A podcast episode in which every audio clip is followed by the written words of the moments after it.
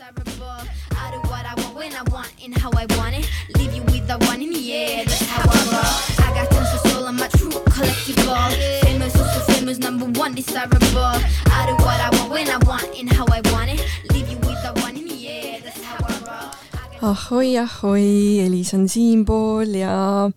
mul on nii tore meel, jälle ma saan salvestada ja ja kusjuures, armsad kuulajad, ausad naised sai kaheaastaseks aprillis, nii et meil on sünnipäevakuu käimas, mis on ülitore, jei! Ja Elis läks ka kooli, ma läksin kehapsühhoteraapiat õppima ja ma nagu tunnen, et see on lihtsalt nagu nii, nii põnev ja ma tõesti näen seda nagu enda elukutsena, nii et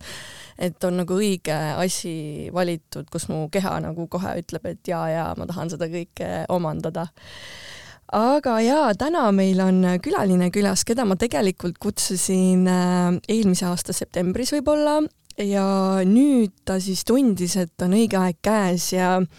ja see on, äh, selles mõttes mulle meeldib, et see on väga aus ja ja selline ehe, et vaadata endale otsa, et kuna ma tunnen, et ma olen avatud jagama ja kuna mitte. Äh, seega tere sulle, Evelin Rätsep! tere hommikust! juhuu! kuidas sul hommik algas muidu? Täitsa rahulikult, pika sõiduga Tallinnasse Tartust. Aa jaa, sa muidugi tulid, jah, muidugi. mul on äh, sinu kohta kirjutatud ka selline väike tutvustus, ma loen selle ette ja siis äh, saame minna edasi et Evelin Rätsep on ettevõtja, kes unistab sellest, et noortest saaksid enesekindlamad inimesed. tema loodud ettevõtlusküla viib noortele läbi ettevõtlust, majandust ja rahatarkust õpetavaid rollimänge. Evelin räägib sellest, mis on ettevõtjaks olemise juures kõige tähtsam ning leevendab mitmeid hirme, mis ettevõtluses äh, algaja äh,, algajaid kimbutada võivad. no kus sa oled olnud siis, kui mina hakkasin ettevõtlust tegema? ma vahepeal mõtlesin, kui ma seda kõike nagu lugesin, lugesin sinu kohta ja vaatasin, siis ma mõtlesin ka, et miks minul küll nagu ei olnud neid äh, teadmisi kohe kuskilt varnast võtta. jah, ma küsiks vast, kus sa olid aga tegelikult äh, kõik see on ju alguse saanud täpselt selle, sellesama koha pealt, et äh, ma, kui ma tudengina läksin Tartu linna õppima ja olin maalt pärit ja mul ei olnud äh, väga palju räägitud sellest, kuidas see elu siis nagu linnas välja näeb ja mismoodi seda korterit endale leida ja kui palju see kõik maksma läheb ja nii edasi, et ma nagu justkui hakkasin nagu ise avastama seda kõike ja ma mäletan seda valu, mis mu sees oli ja ma mõtlesin, et nagu noh, et et keegi võiks nüüd natukene aidata, onju, et, et kuidagi nagu olid seda lapse elu elanud nagu ilma teadmata sellest poolest midagi. ja ja siis samamoodi ühel päeval, kui ma tundsin, et tahaks ettevõtjaks saada, siis ma olin täpselt sama koha peal, et nüüd ma ei ole enam nõus üksinda alustama. et ma lugesin tegelikult sellist raamatut nagu Rikas isa, vaene isa ja see käivitas minust täiesti uue maailma, ma mõtlesin, et vau, sihuke maailm on ka veel olemas, et ma tahan sellest osa saada. ja ma panin kirja sellist neli unistust, et ma tahan ettevõtjaks saada, mul polnud õrna aimu, kuidas selleks saada ma panin kirja, et ma tahan koolitajaks saada, sellest oli mul natukene rohkem aimu, sest et noh, mõnel koolitusel ikka elus oli õnnestunud osaleda, eks ju. aga ega ausalt öeldes sellest köögipoolest samamoodi ei olnud mingit aimu. Äh, ma panin kirja, et ma tahan õpetada ettevõtlus- ja majandusteadmisi või niisugust rahatarkust Äh, just läbi mängude, sest noh, majandustunnid ju gümnaasiumis olid, aga ma ei tea, need nagu jooksid mööda kuskile. minu jaoks küll. õudselt igavad olid ja ma, noh, ma ei tea, ma arvutasin, arvutasime palka seal ja mingi, mul oli noh, täiesti siuke, ma mõtlesin. nii ma... kuiv minu jaoks. no edes loomingulistele inimestele minu arust on need nii nagu just. jah, kuivad. ja neljanda asjana, millele, mis ma kirja panin, oli see, et ma tahan alustada koos inimesega, kes teab minust rohkem, ehk siis, et mitte astuda ise pea ees vette ja nagu hakata tegutsema, vaid et kellegiga koos ja tegelikult kõik need unistused täitusid no kuskil aasta-kahe jooksul. nii kiiresti yeah.? niimoodi manifesteerisid, vau aga kusjuures ma olen väga palju kuulnud, et see raamat äh, Rikas isa, vaene isa on väga paljusid inimesi nagu just rahatarkuse suhtes nagu siukse pahviks löönud veits ja nii-öelda kergelt panniga pähe saanud ja siis nagu hakanud tegutsema. mina täna noortele ütlengi, et teate, kui te tahate nagu ettevõtjaks päriselt saada, et siis ärge võtke seda finantsabitsat või mõnda muud keerulist raamatut kätte, siis te ehmatate ennast kringliks kohe, et lugege seda raamatut, see annab teile natukene aimu sellest, kuidas see ettevõtja üldse mõtelda võiks ja mida ta nagu, mismoodi ta maailma näeb, sest see on omaette maailm, nii nagu ma ei tea, tervisesüsteem on omaette maailm oma sõnavaraga, on äh, haridussüsteem oma sõnavaraga omaette maailm, nii on ka tegelikult ettevõtlusmaailm ja igas maailmas on omad mängureeglid. ja minu meelest Kiyosaki päris hästi tutvustab neid mängureegleid. no vot, kas siis nagu esimene kokkupuude nii-öelda rahatarkusega algaski sinul ka sealt? ütleme siis, see oli see koht, kus mul noh, mitte kokkupuude, kokkupuude, eks see ikka oli võib-olla varem ka, aga mm, -hmm. aga see oli see koht, kus ma olin päriselt huvitunud ja innustunud sellest, et vau wow,, see on noh, see on äge, ma tahan ka sellest osa saada mm. -hmm. Kusjuures äh, ma tahtsin sulle ennem öelda seda, et äh, et sa olid meil tegelikult nimekirjas juba väga varakult, nagu esimesel aastal juba. aga näed, äh, aeg läks kuidagi ja nüüd on see õige aeg käes, et et jah, tiksusid meil seal nimekirjas päris pikalt, et meie saatesse tulla. ütlen ausalt, ma vist ei oleks varem tulnud ka, sest et viimased aastad on mul läinud selle peale, et ise aru saada, et kes siis mina olen selles ettevõtte juhtimises ja kõiges selles, kes ma üldse siin maailmas olen, mida ma üldse siin maailmas teen, et äh, mis on see sõnum, mida ma tahan siis päriselt noortele edasi anda, mis neid aidata võiks ja tegelikult kriisi endaga jõudsin ma täpselt selle koha pealt, kus ma hakkasin küsima, et äh, mis asi see siis päriselt on, mida ma tegelikult õpetama pean lastele. sest et üks asi on õpetada sellist rahatarkust ja nagu teadmisi, oskusi, siis noh, selliseid noh, a la arve täitmine, eks ju, mis meil seal mängus on, sellised väga konkreetsed oskused, eks ju aga see ei tee sinust ettevõtjat, see nagu kõigist inimestest ei saa ettevõtjaid, et nagu mis asi see siis on, mis päriselt inimesest ettevõtja teeb. ja ma küsisin, mis asi on päriselt koostöö, et mulle tundub, et me räägime täna hästi palju koostööst ja teeme koostööd ja nii edasi. ja mina ei tea, võib-olla teised on rahul, mina ei ole rahul, mina ei tunne, et see oleks see, mis päriselt võimalik on meile jaa, me kindlasti puudutame seda teemat ka, aga kui, kuna sa viimati üldse käisid siis nüüd äh, avalikult esinemas kuskil? Mm, no selles mõttes avaliku, mida sa avaliku esinemise all defineerid äh, kas siis ongi mingi podcast või mingi rahva ees kuskil olek või? Ähm, no koolitusi teen ma täna ikkagi iganädalaselt mm., et äh, laste ees olen ma ikka nädalas mitu korda mm. -hmm. ja nüüd täna on, täna olen ma siin, aga neljapäeval olen ma juba Lääne-Virumaa õpetajate ees ja jälle rääkimas sellest, kuidas seda ettevõtlikkust siis koolis arendada. et et äh, selles mõttes äh, rahva ees olen ma palju, aga podcastis tõesti, üheski podcastis ma ei olegi kunagi osalenud, raadios küll. no nii, no siis on esimene kord siin ja praegu, vau. Äh, aga ma saan aru, et sind ei ole nagu kunagi nagu paelunud teiste alluvuses töötamine, et kuidas sinust siis üldse ettevõtja sai, räägi natukene sellest lähemalt nojah, ma olen selline üsna isepäine tegelane et ma nagu väga ei, mulle, mulle nagu ei sobi see, et, et keegi tuleb oma mingisuguste tujudega või, või mingisuguste soovidega ja hakkab mind survestama, et ma pean nagu tema soovidele vastama. et see on ka põhjus, miks minust ettevõtja sai, et ma tegelikult päriselt niimoodi normaalselt palgatööl, et ma oleks kellast kellani tööl käinud, ma vist äkki kuu aega käisin või? see on wow. ikka väga vähe jaa, et minu tööd ja tegemised on alati olnud sellised äh, ma olen FIE-na töötanud teiste alluvuses, aga ikkagi sa oled FIE selles mõttes, et sulle antakse töö ette, aga, aga kui mina ütlen, et ma ei tee, siis mitte ükski vägi ei saa meid sundida seda tegema.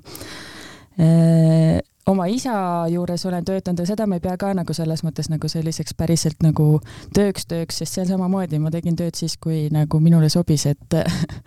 et selles mõttes äh, jah, ma minu jaoks on selline eluviis olnud nagu normaalsus terve elu.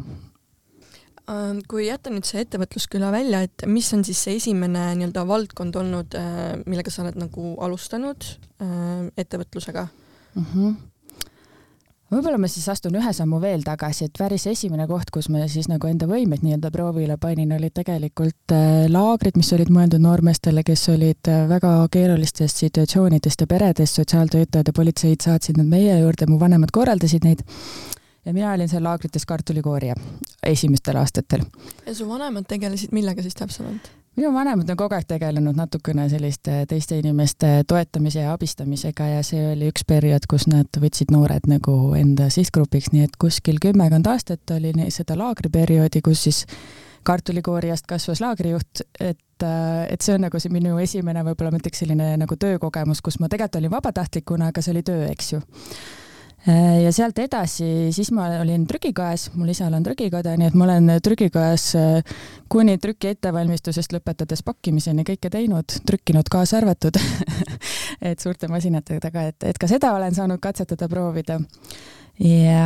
ja sealt edasi tegelikult juba oligi ettevõtlusküla, et, äh, et seal vahepeal mul lihtsalt vahepeal sündisid lapsed ja, ja siis ma olin natuke aega kodune ja mhm. vahepeal oli üks müügitöö etapp ka veel pool aastat, ma käisin koduesitlustega müümas kalleid kodud, kodumasinaid.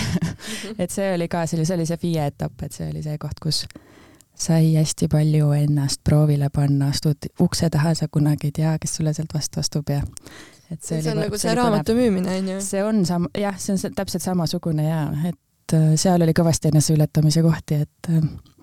et ka mõnikord selliseid olukordi, kus mõtlesid, et tore, et ma siit juba nüüd minema sain aga kui nagu mõtled tagasi nendele ettevõtlustele, mis sa oled teinud, et kuidas sul siis see suhe selle rahaga on olnud? see on nüüd huvitav küsimus, ma tahaksin täpsustust küsimusele, mida sa täpselt küsid mu käest? et äh, nagu ja et äh, kuidas on äh, su suhe nagu olnud rahaga seoses äh,, kui sa neid ettevõtlusi oled teinud, ehk siis nagu kas su on olnud äh, ja, nagu raha on voolanud või ta on nagu täiesti kohe ära läinud, kohe on tulnud nagu mingi suured äh, kulutused nagu peale, et ta ei ole nagu püsinud su juures, noh midagi sellist. okei okay,, aitäh täpsustuse eest siis ma tean, mida ma vastan. Äh, tegelikult on rahaga olnud selline huvitav, et äh, ma olen sellisest väga suurest perest pärit ja minus on sellist kokkuhoidlikkust hästi-hästi palju et äh, minul sellega probleem ei ole, et raha ära läheks minu juurest, et ma suudan teda alati hoida nii palju, et mul on selline tegelikult mul on teadlikult otsustatud, et mul peab olema paari kuu varu, siis ma tunnen ennast hästi, siis me, siis ei hakka minu peas see murekell tööle, et nüüd peab kähku hakkama mingeid lollusi välja mõtlema selleks, et oma, et endale raha saada, vaid siis annabki see mulle selle turvalise ruumi, mille sees ma alati võin valikuid teha aga teistpidi nüüd, et, et kus teda nagu, et noh, tegelikult ei ole teda kunagi olnud nii palju, et ma oleksin tundnud, et, et noh, et ongi hästi palju ja nüüd ja et võingi iga, võingi hingata hästi rahulikult. pigem olen ma pidanud selle sees õppima elama selliselt, et kuidas olla alati rahul sellega, mis sul on, mitte kogu aeg vaadata, et mida sul ei ole, et see on hästi-hästi tugev kool olnud minu jaoks ja täna tõesti ma elan päris põnevalt, et mõnikord ei teagi, kust see raha järgmisena tuleb ja siis, kui sa sinna murefooni ei lähe, siis natuke sellepärast, et oh, näe, vaata, sealt tuli natuke, sealt tuli ja keegi kuskilt sealt tuli mingi tööpakkumine, et see on hästi põnev vaadata, kuidas siis see tegelikult elu ise loob, et et taotlus raha kohta minu elus on täna see, et mul on alati kõik, mis mul on vaja ja natuke rohkem ka mm. -hmm. ja ei pea pangakontol see raha seisma, vaid siis, kui mul vaja on jaa, äh, kuskilt ma kuulsin ka seda, et, äh, et kui sa annad raha välja, siis sa ütled endal mõttes, et äh, see tuleb mulle kümnekordselt tagasi või mingeid siukseid lauseid, siis see ja. võib täitsa toimida. jaa et..., ma olen, olen neid ka öelnud, et alati kui ja üldse nagu raha koha pealt üldse, et, et alati, kui ma nagu välja annan, et siis ma soovin anda seda välja sellise tundega, et aitäh, et te olete minu jaoks pakkunud mis iganes teenust ma siis selle raha eest olen saanud. jaa millised äh, üldse peavad olema siis äh, hea ettevõtja isiksuse omadused, et läbi lüüa ja, ja olla edukas hmm.? me oleme seda muidugi siin saadetes ka käsitlenud, aga, aga võib-olla on nagu hea teada, mida sina nagu jaa, ma nüüd sellest rahateemast niimoodi hops kohe inimeste peale, ma olen hästi inimeste inimene. ja kõik tegevused, mis ma teen, on alati sellised äh, kuidagi nagu teistega, teiste jaoks või teisi, teisi arvestavad, et minu eesmärk ei ole kunagi olnud rikkaks saada või raha teenida sellisel viisil, et seda nüüd mul palju on. et, et ettevõtlust võib teha nii, et raha on eesmärk, eks ju minu jaoks ettevõtluse eesmärk on äh, tegelikult anda seda kõike, mida mulle on kingitud, äh, kogeda ja õppida ja aru saada iseenda kaudu, jagada seda teistele edasi, sest et äh, sealt saab igaüks ise valikuid edasi teha, kuidas tema tahab. Ja minu jaoks täna raha tegelikult ei oma nagu üldse enam sellist tähendust või see ei ole, see ei ole nagu väärtus omaette, et see, mida mina täna noortele õpetan raha kohta, on tegelikult see, et võtke lahti see, mida selle raha taga tegelikult tahate saada mõnikord me avastame, et see tunne, mida me tegelikult ostame selle raha eest, see ei ole üldse see, selle asjaga seotud, mida me ostame. ja et tegelikult mõnikord me otsime lihtsalt seda elustiili seal taga ja, ja seda feeling ut, mida me Just. läbi selle saame, mitte tegelikult neid asju otseselt. just, et ma alati ütlengi noortele, et palun, miljon raha on sinu mis teed selle rahaga? Ja noh, siis ostan auto ja investeerin, okei. Okay,, investeerid selleks, et saada rohkem raha, nii, aga mille jaoks seda raha siis vajad, nagu et sul ei ole ju tegelikult raha vaja. sa tegelikult ju soovid äh, selle raha eest midagi endale lubada ja mis see siis on, mida sa lubada tahad. Ja ja mina enda elus olen avastanud, et väga palju asju, mida ma tegelikult arvasin, et ma tahan raha, raha eest osta, ma olen need hoopis mujalt leidnud, selleks pole mõnikord üldse raha vaja mõnikord mm -hmm. on vaja, mõnikord pole üldse nii palju vaja, kui ma arvasin, et on vaja, et me otsust-, teeme nagu hästi palju otsuseid raha kohta ära, ilma et äh, me üldse vaataks, me otsustame ära, näiteks eile oli mul üks selline vahva jutuajamine ühe naisterahvaga, kes ütles, et noh, et, et tahaks uut katust oma majale, aga et noh, see ju maksab palju, eks ju, ma ütlesin, aga sa oled ära otsustanud, et see maksab palju. aga mis siis, kui ta ei maksa? Et mis siis, kui ta või, või mis, mis siis, kui võib tulla veel mingi võimalus, kuidas seda tuleb, ma võin rääkida hea näite, üks tuttav mul otsustas, et äh, katlasüsteem maksab liiga palju, et ei saa seda endale lubada. mõtlesin, et aga mis siis, kui see võib tulla hoopis muud moodi, et sul, sul ei ole selleks üldse raha vaja. Nädala pärast oli tal katlasüsteem olemas, neil naabrid vahetasid katlasüsteemi, olid jumala õnnelikud, et nende vana katlasüsteem leidis uue koha, et nad ei pidanud vaeva nägema sellega, et kuhu nad panevad selle nii et mõnikord võib olla nii nagu huvitavaid kohti, kust see raha tuleb ja mis see ettevõtjaks olemine minu jaoks täna on inimeseks olemine. kes sa inimesena oled, mis see sinu lugu on, mida sina oma eluga jutustada tahad, ettevõtlus on selle väljendus jaa, sa tõid nii häid näiteid nagu, et me oleme kinni vahest oma vanades mõttemustrites, kuidas mingi asi peab meieni jõudma, me üldse ei mõtle avatud meelega, et äh, tegelikult ta võib hoopis teistpidi tulla -hmm. nagu su juurde. ja ma ise ka panen seda vahest tähele, kuidas ma ennast nagu piiran ja siis ma nagu cut in selle ära, et oot, aga see võib hoopis teistmoodi tulla ju, ma ei tea, see tööpakkumine või mingi muu asi, vaata. et, äh, et imesid võib juhtuda, vaata ma ei tea, minu elus juhtub neid nii palju, et ma nagu selles mõttes, ma elan nende keskel ja siis vahepeal ma olen üllatunud, kui ma kuulen, et teised ei ela. et selles mõttes on äh, jaa, mõnikord, see, see on nagu see, et, et kui sa küsid mu käest raha kohta, siis ma pean täpsustama, et mida sa täpselt nagu teada tahad, sest et minu jaoks see raha on nagu teisejärguline, see on tagajärg yeah.. ja seda on siis, seda tuleb siis mu ellu, kui mul seda vaja on, aga nagu ma olen, ma ei tea, ma nagu täna ei vaja teda sellisel kujul enam. ma kunagi arvasin, et vajan, sealt hakkas üks minu kriisi kriise pihta ja siis nagu tänaseks mul on nagu jaa, teda on mingites kont-, kontekstides vaja, eks ju, ma lähen täna lastega spaasse, siis mul on vaja raha, eks ju. aga väga palju asju on saadaval ilma, et mul seda raha üldse peaks olema sellisel kujul. jah, et raha on nagu meie mõtteviiside tagajärg mingis mõttes. jah, absoluutselt ongi, et kui palju me nagu tegelikult oleme valmis vastu võtma, noh eilsest jälle hea näide, et noh, et mõtled, et siin sada või tuhat või kümme tuhat ja siis korraga, et noh, see inimene ütles, et noh, et, et aga et see tundus, et kümme tuhat, et aga tegelikult saaks ju veel rohkem olla. siis ma küsisin, et okei okay,, aga need on ju ainult numbrid. mida sa tegelikult tahad? et äh, ka miljon ei ole piisavalt suur number.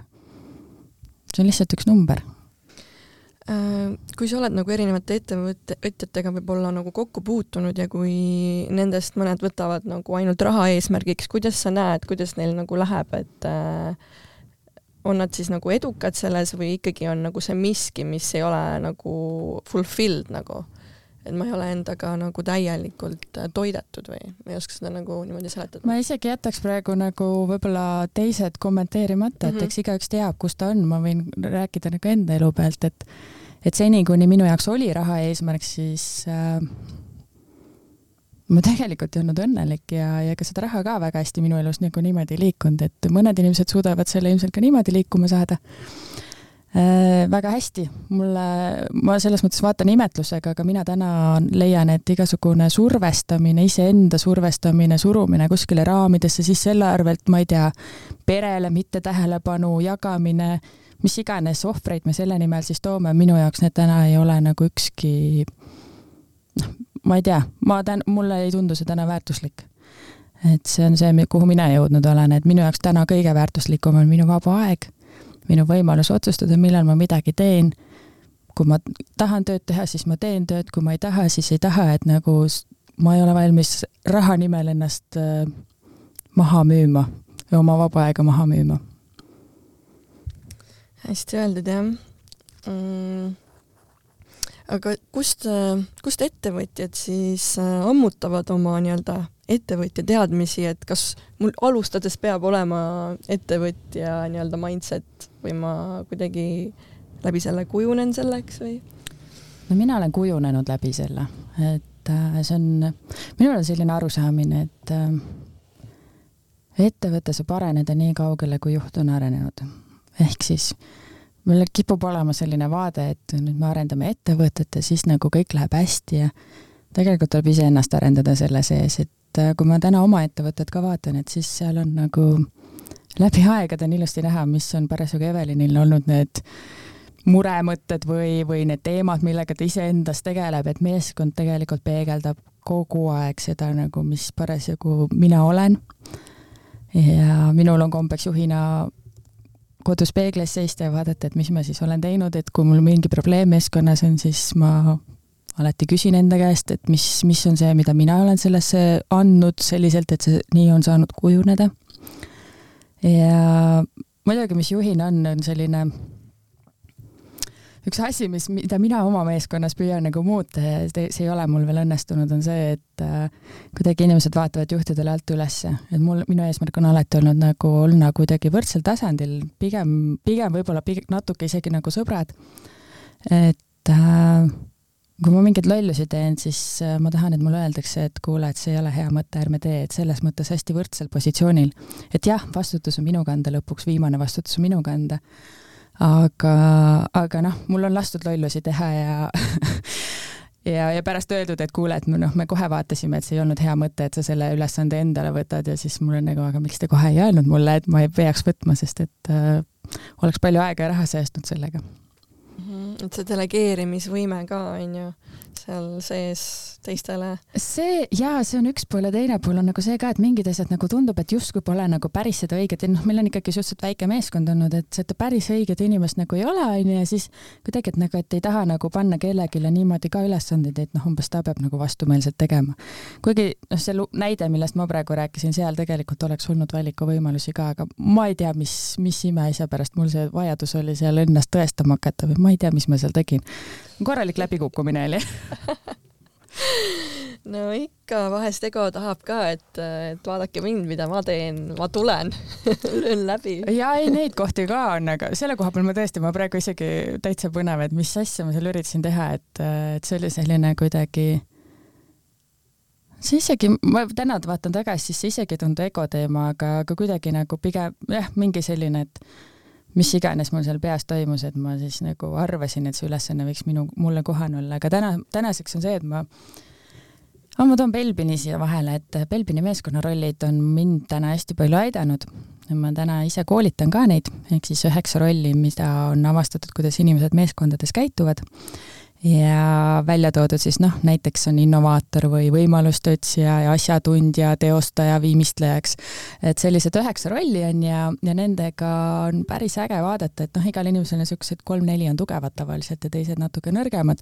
ja kui ma sellest aru sain, mis minu tugevused päriselt on ja mis on need minu nii nõrgad pooled, nendega mul ei ole üldse mõtet hakata tegelema, siis see ülesanne, millest ma just rääkisin, oli täpselt see kõik, mis minu nõrgad pooled olid, oli seal vajalikud oskused või, või käitumised, et et äh, jaa, mina olen selline innovaator, leiutaja, võimaluste otsija äh,. hästi-hästi palju suhtlen inimestega, minu jaoks on inimesed alati esimesel kohal ja noh, ideid, no ma võin nagu, ma ei tea, kustkohast ma neid ideid võtan, aga neid on kogu aeg niimoodi raputada, et ülejäänud meeskond oigab jälle, kui ma uute ideedega tulen et äh, nemad vaesekesed on need, kes siis äh, peavad sealt äh, minu suurest ideekuhjast välja valima selle, mis on teostatav ja mis ei ole Auts, on niisugune raske, raske koorem neil kanda. ja teostajat on minus vähe, nii et mul on vähemalt äh, paari, kaks kuni kolm teostajat vaja meeskonda, kes suudavad need minu hullumeelsused äh, reaalsuseks ka luua. no väga vinge. Need on ka väga olulised, et oleks ju niisugune väljavaatev visioon nii-öelda jaa, ei kui mind nagu ei ole, siis ma olen ka see, noh, ma olen nüüd vahepeal ma olin kaks aastat ettevõttest täiesti eemal, et siis oli nagu näha, et, et see osa oli nagu puudu, et et, et siis nagu ettevõttes tehti kõike seda, mis varem on tehtud, midagi uut ei tulnud. mina olen alati see ja siis samas minul on jälle see, et kui on see etapp, kus peaks neid vanu asju nagu lihvima ja tegema, siis, siis noh, minul hakkab igav, eks ju, et ma nüüd lähen ära, et te lihvige see rahulikult edasi, et, et et noh, aga jällegi see koht, et kui sa nagu saad aru, et mis see on nagu, et ma saangi aru, et minus ei ole nagu sellist teostajat, siis ma ei hakka endale mulda pähe raputama, sellepärast et ma ei ole selline, kes viimis, viimast detaili lihvib ja viimistleb ja ja kvaliteeti kontrollib, see ei ole minu tugevus ja ma ei pea seda tegema, see vabastas mind ikka täiesti nagu hästi kergekas endal. ja ma täna ütlengi kõigile, et mina olen see, kes jaa, ma mingi lühiajaliselt me võime kõike teha, eks ju. kui on lühiajaliselt võime, suudame ka teostada, aga nagu hoida pikaaegselt mingisugust asja seal viimistluse etapis, see ei ole minu tugevus, siis ma põlen läbi, mis tegelikult minuga ka juhtus jaa, sinna me lähme ka. aga mind huvitas need üheksa rolli, et kuidas äh, ma teada saan, et need mingid kolm seal minu tugevused on, kas mm -hmm. mingisugune test tehakse või? jaa, Belbini, täitsa belbin.ee on selline veebileht, kus äh, on kõik hästi palju kirjutatud nende kohta, Mats Soomre on äh, see mees, kes neid Eestisse on kunagi paarkümmend aastat tagasi juba hakanud tooma, ta teeb meeskonnakoolitusi ja nüüd olen mina ka seal seltskonnas ja ja, ja seal saab testi teha, saab teha ka niimoodi, et sa teed ka ettevõtte, et ettevõtte põhiselt, et ja siis paned ka näiteks töökohad on võimalik panna, et mis ootused on, milliseid rolle sinna on vaja. saab teha täiesti värbamist ainult selle rollide alusel, et lased inimestel teha need testid ja siis sa saad vaadata, et kes sinna seda tööülesannet kõige paremini sobib täitma. Mm.. et see test käib ka niimoodi, et ise vastad ja siis äh, neli kuni kuus meeskonnakaaslast vastavad sinu kohta ja see on päris huvitav, et mida sa ise näed sa saadki testis, näed ka seitseteist lehekülge on aruanne, mis sa saad. Äh, seal on näha ka see, mis sa ise vastasid ja mida teised sinu kohta näevad, kuidas sina meeskonnas käitud. mõnikord on käärid ikka päris suured, see on ikka päris huvitav vaadata, et mis sa iseenda kohta arvad, et mis sinu tugevused on ja, ja siis kuidas sa tegelikult meeskonnas päriselt käitud. selline reaalsuskontroll nagu jaa. toob nagu kohale, et äh, vaata need üle, noh et äh, minu enda kogemus on see, et ma tegin nüüd siis, kui ma olin eemal meeskonnas, siis ma esimest korda tegin seda testi ja, ja nüüd ma tegin uuesti, et siis mis oli vahepeal muutunud, oli see, et see osa minust, mis tegeleb koordineerija ehk siis nagu teiste inimeste juhtimisega ja delegeerimise ja ülesannete jagamisega, see osa eelmises testis oli teiste poolt hinnatud suhteliselt nõrgaks, mida ma sellel hetkel ei teinudki, oli ju tõde, eks ju. ja nüüd, kui ma olen uuesti juhtimas, siis nüüd on selle sinna etterinde tõusnud mm. -hmm ma mõtlengi seda, et ühe ettevõtte haldamine on selles mõttes päris suur töö, et sa pead vaatama, et teenuse kvaliteet oleks nagu tipp-topp, raamatupidamine, turundus, oleneb muidugi valdkonnast, igasugused pisinüansid, et äh, me ei, ju ei oska kõike, kas me peamegi oskama, mis me võiksime sellel puhul nagu teha? no väga lihtne vastus, mida ma alati laste käest küsin, et mis te arvate, kas te peate kõike ise oskama? ei pea, eks, mis selle lahendab, meeskond. leia need inimesed, kes oskavad, leia teenusepakkujad, kes oskavad, raamatupidaja näiteks vabalt võib teenusepakkuja olla, see ei pea olema sinu töötaja et minul on ka raamatupidaja teenusepakkuja, raamatupidamine ei ole asi, mida mina naudiksin. kunagi mõtlesin lolli peaga, et äkki õpiks, õnneks oli kaas, meie ettevõtte kaaslooja oli nagu, et ei, ei, ei, seda sa küll tegema ei lähe, jumal tänatud, et ta mul selle ära keelas ei, ma ei hakanud oma aega lolluste peale raiskama. mis et... sulle endal kõige rohkem meeldib teha siis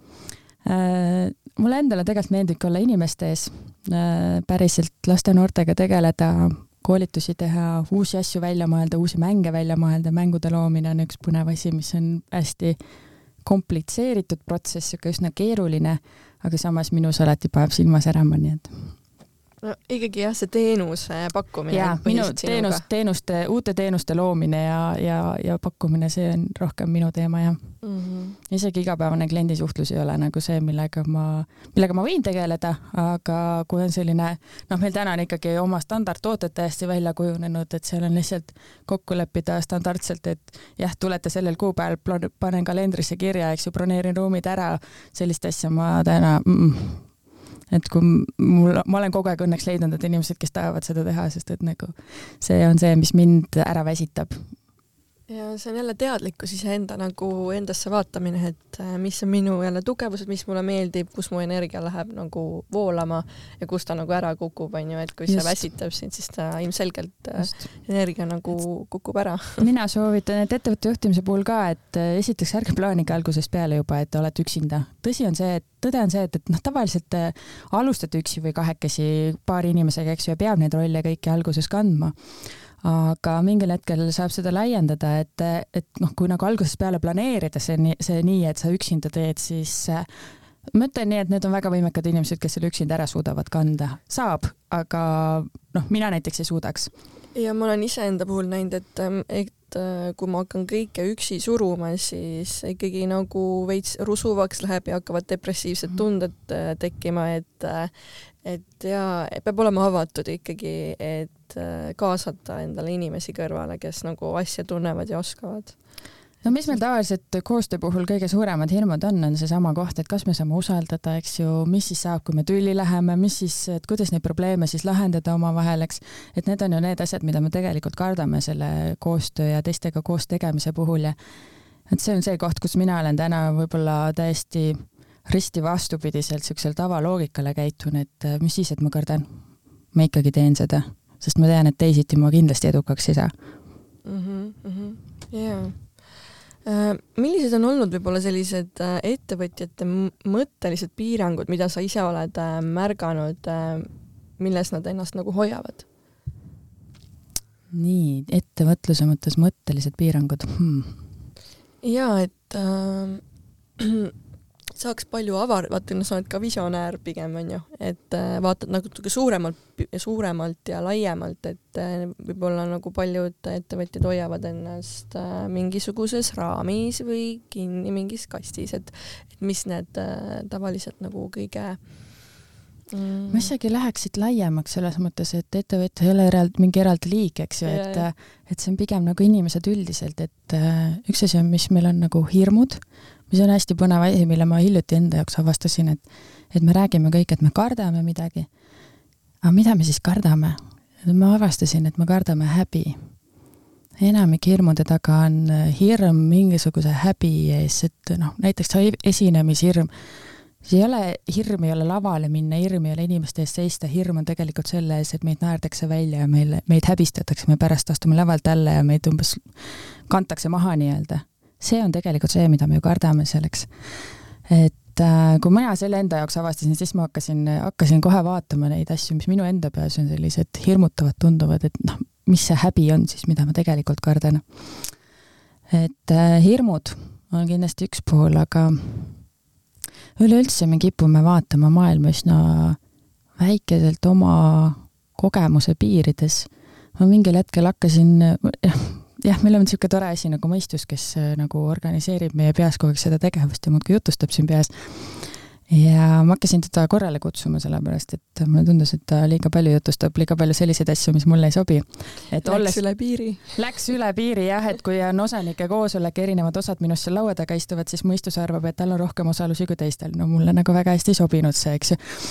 et ma tundsin, et tegelikult tahab minu südametasand kaasa rääkida, tahab minu keha kaasa rääkida, kuidas ta ennast tunneb, mismoodi me toimetame. Äh, ja noh, neid tasandeid on veel, eks, et kui ma neid teisi tasandeid ka kuulama hakkasin, siis tegelikult hakkas minusse alles see rahulolu tekkima.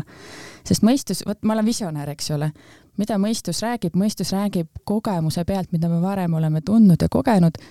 ja siis ütleb, et ei, ära sinna mine, see on ohtlik. ei, ära sinna mine, see on tema ülesanne öelda sulle, et see on ohtlik, eks ju, et, et noh, see ongi tema ülesanne, aga kui ta niimoodi üle karjub teistesse, siis ma ei saagi ju kuskile seiklustesse sattuda, sest ta lihtsalt kogu aeg katkestab ära mu võimalikud põnevused, eks ju.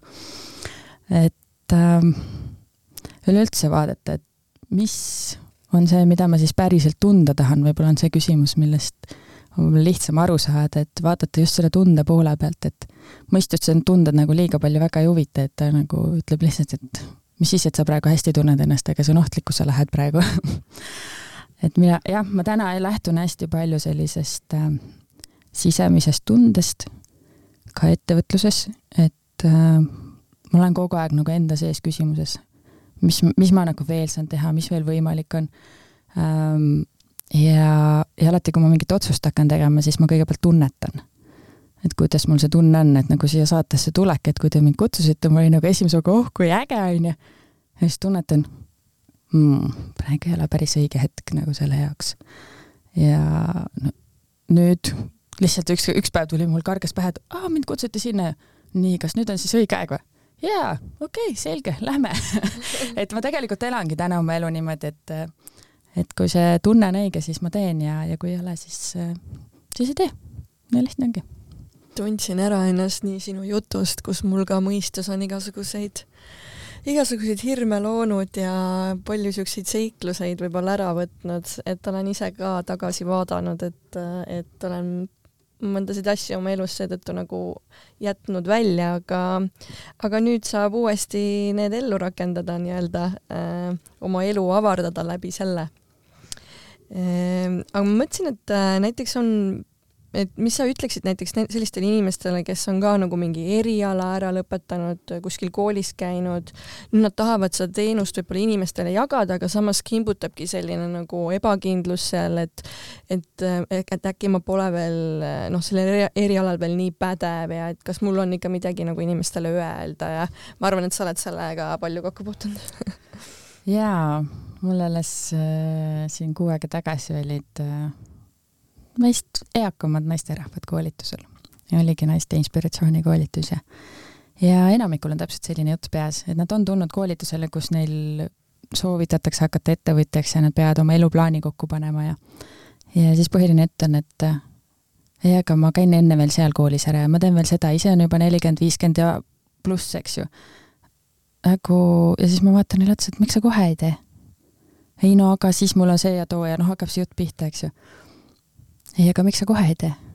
mis sind takistab kohe tegemast? mitte ükski paber ei anna sulle, ta võib anda rohkem oskusi, aga see ei anna sulle enesekindlust. kui sul seda enesekindlust praegu ei ole, siis paber ei anna sulle küll enesekindlust juurde. et siis mul, sul võib neid pabereid olla, sa võid kolm korda ülikooli lõpetada ja ikka tunda, et sa ei oska mitte midagi ja võib-olla just vastupidi, hakkadki veel rohkem arvama, et sa ei oska. et minu nõuanne on alati see, et hakka pihta hakka väikeste sammudega pihta, hakka midagi, mõtle, mis on see, vot meil on alati hästi suured need unistused peas, minu unistused on ikka noh, röögatud, eks ju. et, äh, et aga mul on kaks valikut, kas ma jäängi selle unistuse sisse ja see on nii suur, et ma ei saa seda teha, või ma hakkan otsima võimalusi, kuidas seda unistust hakata väikeste sammudega tegema, mis on see asi, mida ma saan kohe teha. üks asi, mis veel äh, alustavaid äh, ettevõtjaid tavaliselt tagasi hoiab, see, et aga mul ei ole algkapitali uh,. So? kui sul oleks praegu raha, kas hakkaks kohe liigutama, no enamik siis leiab järgmise vabanduse, miks nad siis kohe ei hakka, eks. et uh, mis on see väike samm, mis sa saad kohe teha ilma selle algkapitalita tegelikult on väga palju võimalusi, noh, ettevõtlusküla enda näide on nagu hästi hea näide, et noh, me unistasime kohe algusest saadik, et meil on selline linnak, kus on äh, ilus fancy koht, kus saab tulla ja inimesed kõik ahhetavad, kui sisse astuvad, eks ju. kas meil oli selleks raha? ei olnud, ka viie aasta pärast ei olnud selleks raha. ja tegelikult võimalus tuli hoopis teistmoodi, meil äh, Tartus on äh, see maja, kus me oleme, selle omanik on ka natukene hull suurte visioonidega meesterahvas, et tema on täiesti veendunud, et Tartus võiks Eesti Silicon Valley olla. ja see maja, kus meie oleme, on juba teine maja, kuhu ta siis startup kogukonda loob ja, ja meie läksime tema juurde selle jutuga, et kui me kuulsime, et ta selle maja ostis, et siis tegelikult tuligi kohe, et oh kuulge, et niikuinii te teete konverentsiruumi, niikuinii on teil vaja nõupidamisruume, ehk siis, et äkki oleks võimalik sedasama asja teha nii, et meie ka seal saame olla. ja tegelikult kõik see ruum ehitati meie vajaduste järgi, nii et kõik teised ka kasutada saavad. meil ei olnud seda raha näed jälle, aga meil, pid, meil, meil ei pidanudki olema seda raha, eks ju, et kellelgi teisel oli, et leia, ka üks võimalus on leida keegi, kellel on see raha, kelle visiooniga sa kokku sobid. pluss nagu me oleme äppi arendanud juba väga-väga pikka aega. vabatahtlike tööd on meie tegemistesse väga palju pandud, et selles mõttes äh, vaata alati, et mis on see väike samm, millega sa kohe saad alustada. no ma ei tea, tahaks alustada suurt äh, kosmeetikaäri no väga tore, mis sa kohe saad teha, eks. saad kohe praegu hakata mängima juba sellega, et kuidas ja mismoodi sa mingeid asju kokku paned ja vaadata, kas inimestele see meeldib üldse mm. -hmm. ja väga good point. aga lähmegi siis ettevõtlusküla juurde ja lähekski lähemalt, et miks just ettevõtlusküla ja kas see on lihtne valdkond, mida nii-öelda ajada? Ettevõtlusena see on küll hea küsimus. lihtne? ei ma arvan, et iga ettevõtja ütleb, et see valdkond, millest on, et igas, igas valdkonnas on omad, omad väljakutsed ja raskused. Äh, meie alustasime sellise koha pealt, kus tegelikult see turg, turgu selle jaoks ei olnud olemas. Äh, meil oli visioon, et me tahame, et äh, see õppimine käib läbi mängimise. meil olid mõned äh, näited, et siin Soomes on üritusküla, kus tehakse midagi sarnast ja, ja USA-s on olemas ja me küsisime nende käest materjale, need olid nagu noh, ühesõnaga me ei saa, meiega isegi suheldud, mitte midagi me ei saanud ja siis me olime okei okay,, mis me siis teeme. ja me hakkasime ise ehitama ja tegelikult esimene, päris esimene vasikas, nagu ikka tavaliselt läheb aia taha, läks ka meie esimene mäng aia taha. selles mõttes, et me katsetasime ära, saime teada, mida me ei taha ja hakkasime uut mängu ehitama. et äh, jaa, ettevõtluskülas me siis äh, tegelikult lastega mäng- ja noortega ja täna ka täiskasvanutega mängime simulatsioonimängu kus nad ongi siis päriselt ettevõtjad, erinevates ettevõtetes saavad siis äh, proovile panna oma võimeid, ütleme nii, et täna on hästi hea lastele öelda, koroonajärgsed ettevõtted, et nagu kõik on täiesti pea peal, äh, tulud on liiga väikesed, kulud liiga suured ja teie ülesanne on korda teha. vaatame mängu lõpus, kuidas teil läks. ja siis nad mängivad kaks ja pool tundi, iga kümne minuti tagant on selline analüüsipaus, kus ka need noh, ja koosolekud või arutelud, kuidas nad siis edasi lähevad ja mängu lõpus on täitsa pool tundi enne analüüsi, kus meil on ikka väga põnevad arutelud selle üle, et kuidas ja mismoodi need siis õnnestusid või ei õnnestunud. Vau, see on nii lahe, sest et äh, lastele juba nagu sellist mõtteviisi nagu sisse rakendada, et palju see neid enda, nende tulevikus äh, tavaelus nagu aitab, et äh, nii äge. ja ma tegelikult oligi küsimus, et kas täiskasvanud saavad ka seal siis mängida, et väga tore kuulda, et ikka saavad ja mis mänge siis nemad mängivad tegelikult mängivad meil täiskasvanud sedasama mängu, mida viies klass mängib. ja viies klass saab paremini hakkama kui täiskasvanud, nii et soovitan mängima tulla ongi nii, jah äh, tegelikult on põhjus väga lihtne. Äh, nendel väiksematel inimestel on natuke vähem kogemusi ja nad ei ürita nii täpseks seda mängida, et nad naudivad rohkem mängu, mänguilu. et täiskasvanud kipuvad üle mõtlema, nagu me juba oleme siin vihjamisi mitu korda juba rääkinud, eks ju. Et äh, meil tegelikult on startup'i ettevõtjad mänginud, et kui lastega mängime kaks pool tundi, siis täiskasvanutega noh, alla, alla kolme poole ma ei hakka üldse rääkima teiega, et pigem soovitan terveks päevaks tulla ja siis juba võtta koos meeskonna analüüsiga, ehk siis ma paneksin äh, sinna kokku nagu selle Belbini meeskonnarollide ja, ja selle, selle poole analüüsi selle tegevusega, mis seal on, et ma täna olen täitsa, täitsa ongi selline plaan, et meeskonnaseiklust pakkuda, et päev otsas, et oma meeskonnaga lõbutseda ja meil on täiskasvanuga väga ägedaid kogemusi. meil on äh, üks, üks meeskond pärast ütles meile, et issand, see inimene, kes seal linnavalitsuses oli, ta on nii vaikne ja tasane ja, ja hoopis teine inimene siin linnas, sihuke hakkas võimu kuritarvitama, täiesti ulme, mis, sihukest inimest ma pole üldse töö juures kunagi näinud. et selles mõttes on nagu hästi huvitav vaadata, et äh, mis äh, tegelikult äh, inimestes välja tuleb, kui nad panna hoopis teistsugusesse situatsiooni. ja väga põnev, mind, mul tekkis isegi huvi tulla ja katsetada seda kõike. kas sinna saab siis tulla ainult meeskonnaga või nagu üksikindiviid saaks ka kuidagi tulla sinna ühildama? Ühe mängu käimalükkamiseks on niisugune kakskümmend, kolmkümmend inimest vajalik, et selles mõttes see, meil on, ta on nagu miniühiskonna mudel, et meil on erinevad ettevõtted, meil on ka linnavalitsus mängus, kes saab ka riigivõimu rolli sinna sisse tuua. et tegelikult on meil hästi põnev, et Aa, seal on nagu erinevad siis valdkonnad yeah. nagu ja niisugused organisatsioonid? no meil on näiteks ilusalong ja siis on meditsiinikeskus ja siis on kaubamaja ja linnavalitsus ja pank ja et noh, nagu erinevad ettevõtted ja asutused, mis siis, et selline miniühiskond tuleb seal ja siis ongi täpselt hästi huvitav vaadata, et kui päris ühiskonnas toimuvad kriisid, siis miniühiskonnas meil ka alati on kriisid sellel ajal ja ma vaatasingi neid äh, videosid ja pilte, et ongi siuke nagu mängumaailm natukene loodud, aga samas nii äge näeb välja. ja on mängumaailm ja samas läbi mängude, päris ausalt ütlen, et mul viimasel ajal, ma olen äh, hingehoidjaks õppinud tegelikult, et mul on hästi huvitav vaadata, sest see on äh, see, mida mul lapsed seal mängivad välja, on täpselt ühisk-, tegelikult ma ei, ma kõvalik, kõvasti ei ütle, et see on teraapia, aga ma näen selles teraapia olemust sees, sest nad mängivad seda, mis ühiskonnas toimub meil nii hästi välja. sügisel koroonapiiranguid võimendati, meil läksid mängud vägivaldseks. mul ei ole mitte kunagi mängud nii vägivaldsed olnud wow,. milles see väljendus siis, see vägivaldsus näiteks? üks asi oli see, et, et mida, kui pinged kasvavad, siis laste keskendumisvõime kohe väheneb et seda nagu ja kuna meie keskkond on, võimaldab sellist nagu ringi jooksmist ja tegutsemist ja aktiivne olemist, seal ei ole niisugust laua taga, keegi ei sunni laua taga istuma, siis äh, mingid asjad, noh, pinged jooksevad nagu, hakkavad välja, e, noh, nad hakkavad välja elama neid seal. ja noh, kuni sinna välja, et meil noh, minu, minu eesmärk on see, et me ei sekku mängusituatsioonidesse, sest et me tahame analüüsida, me tahame neile kogemuse anda aga üks reegel on, kui ikkagi füüsiline vägivald mängu tuleb, siis me sekkume ja seda tuli. et oligi vaja mängud täiesti stoppida ja uuesti kokkulepet teha, kuidas me siin koos oleme Vau, okei nojah, väga arusaadav. Äh, kas äh, lapsed siis tulevad nagu enda klassikaaslastega sinna või koolikaaslastega või kuidas äh, need grupid nagu tulevad sinna? enamasti on nii, et õpetajad otsustavad mm., et nad tulevad kas siis terve klassiga või panevad paar klassi kokku, et see on mm -hmm. nagu klassikaline. on ka mm -hmm. vahel mingisuguseid laagrite gruppe, malevagruppe, noh, mingisugused muud, meil on mingi noortekeskused vahel on käinud öö, oma gruppidega, aga selline valdavalt on see, et tegelikult õpetajad tulevad lastega mängima näiteks kui praegu nagu mõni ema tunneb, et ta tahaks oma last nagu tuua sinna, siis ta päris nagu ei saa niimoodi ise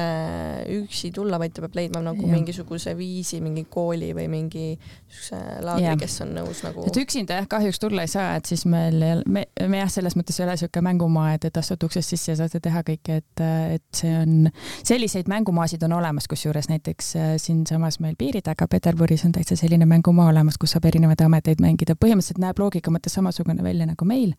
aga seal ongi nagu, et ükshaaval lähed ja siis lihtsalt käid ühest toast teise, nii nagu need meie interaktiivsed muuseumidki, eks ju mm. aga, aga jaa, meie, meil on täiesti nagu spetsiaalselt õppimiseks loodud see ja, ja see on natukene teistmoodi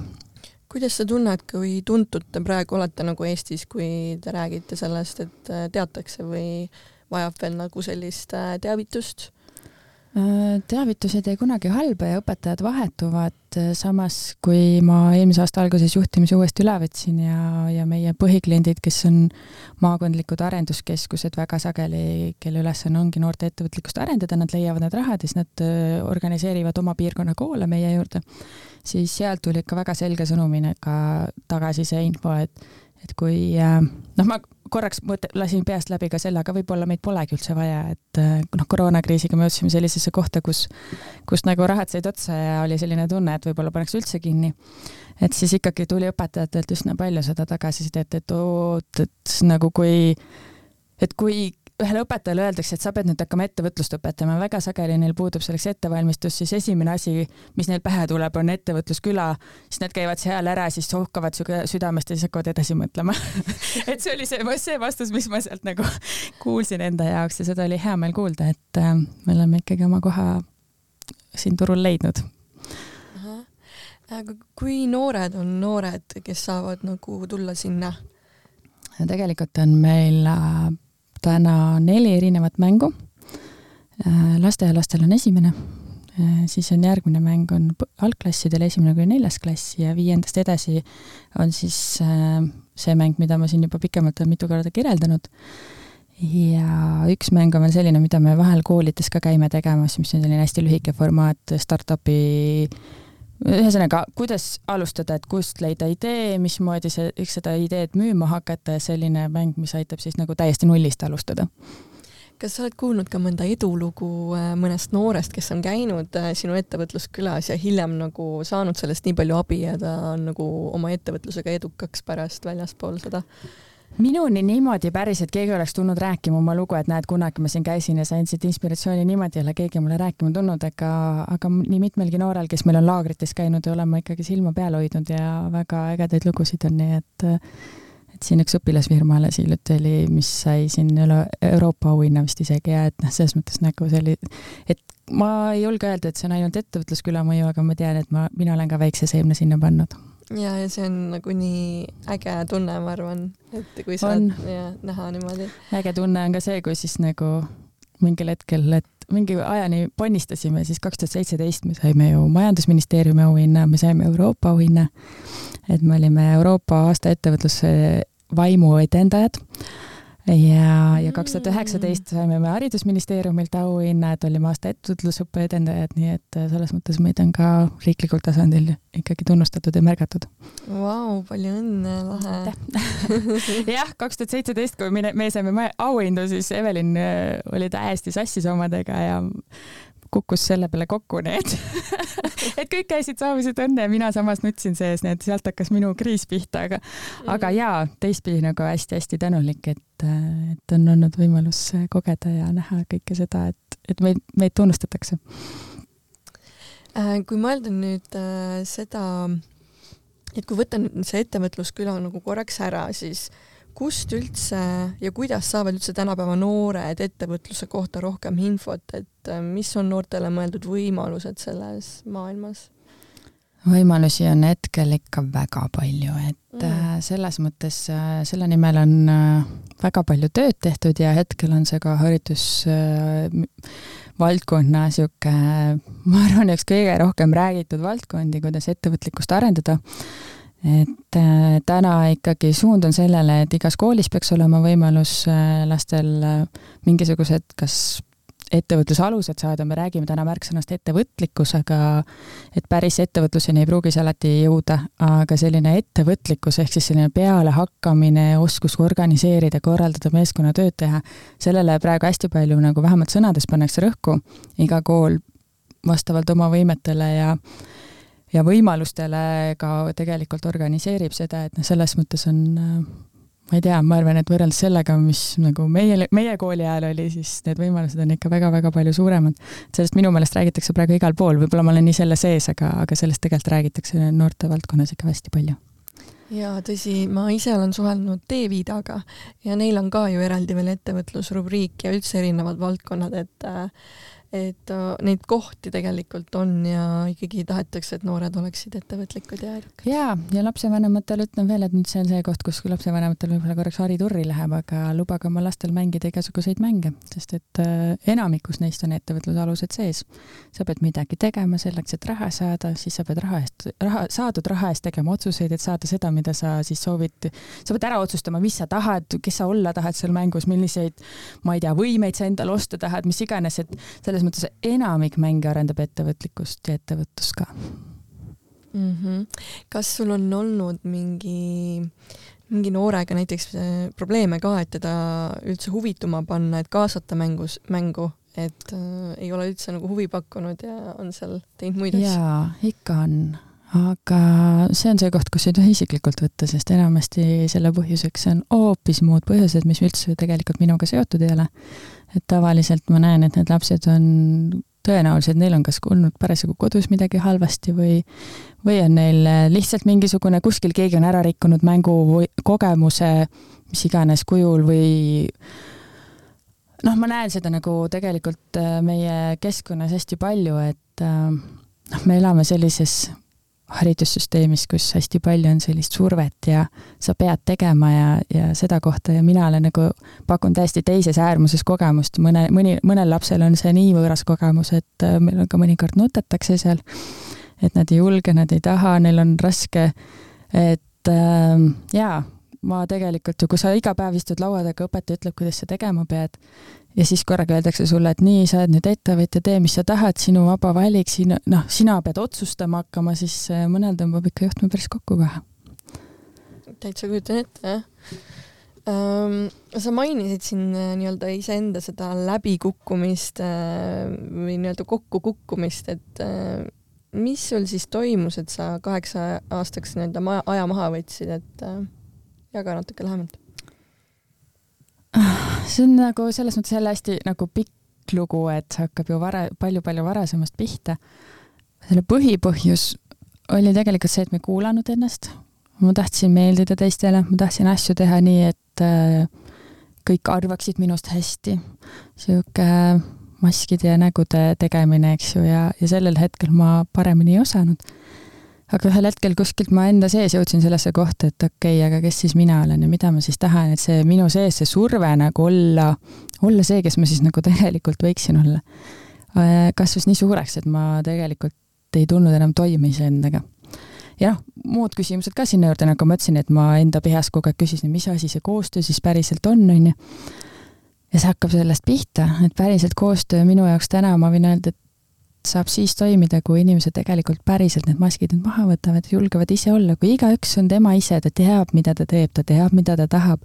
siis on nii lihtne nende inimestega koos töötada. sest ta ütlebki, et ei, see ülesanne ei ole see, mida mina tahan, ma ei, see ei ole minu tugevus.